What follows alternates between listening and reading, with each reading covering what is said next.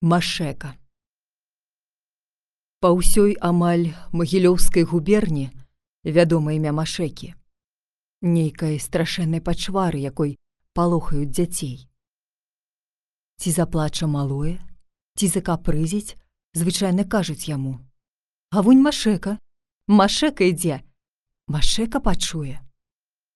Або хто зробіць непрывабную пачварную грымасу, таксама крычаць на яго машека машека народнае паданне сведчыць што імя гэта гістарычнае звязана з гісторыяй магілёва вось паданне як яно захоўваецца ў вуснах нашага народа. На тым месцы дзе зараз магілёў стаяў цёмны непраходны лес сквозь гушчар якога не мог прабіцца нават промень сонца Ад гэтага лесу і дняпру было цесна, а дняпро ў тыя часы быў шырокі і злосны. У лесе у шашчобе жыў страшэнны разбойнік, якога звалі машекам. Ён быў душы як волат, адной рукой спыняў васьміконны экіпаж на ўсім скаку і адным разам вырываў з карэннямі вялікія сосны. А хадзіў ён у мядзвежай шкуры поўсцю наверх. Не такі тады быў народ, як зараз. Шмат было асілкаў, але ўсе дрыжэлі перад машекам, і пяць дзясяткаў нічога не маглі зрабіць супраць аднаго. Машека наводзіў жах на ўсе навакольныя вёскі. Хаця людзі жылі тады вялікімі паселішчамі, ён бязбоязна ўваходзіў у кожную вёску і браў, што яму трэба было. Усюды самі адчынялі яму вароты, каб толькі пакінуў жывога не раз выходзілі супраць машэкі вялікімі дружынамі, але ён жыў у такой непраходнай глухамані, што ніхто не знаходзіў не толькі лохава, але нават дарогі назад. І ўсе або паміралі з голаду, або былі забіты кісцянём.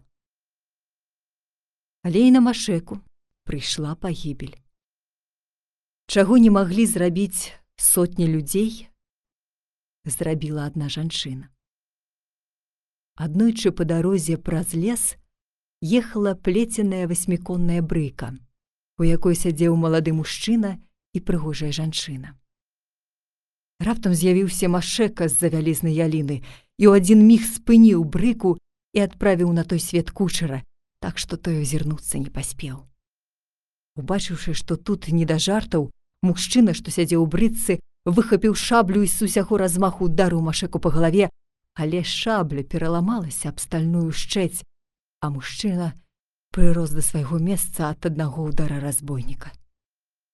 Але глянуўшы на жанчыну, Машека аслупянеў.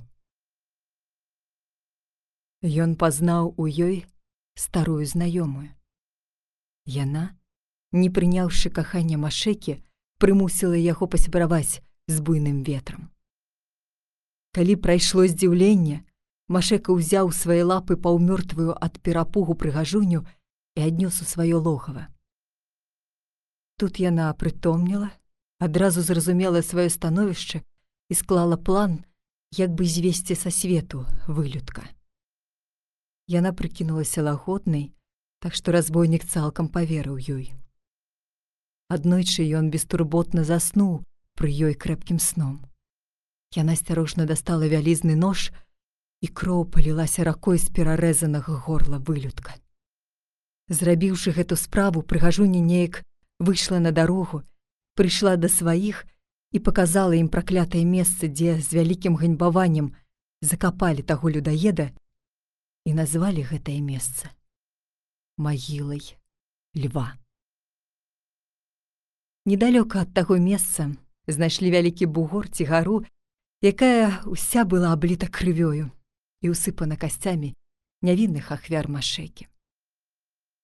Пасля машэкі тут было яшчэ шмат разбойнікаў, дзеля знішэння якіх мясцовыя ўладары князі прызначылі тое месца для высылкі злачынцаў. Злачынцы паволі вырубілі лес і праз гэта прагналі разбойнікаў.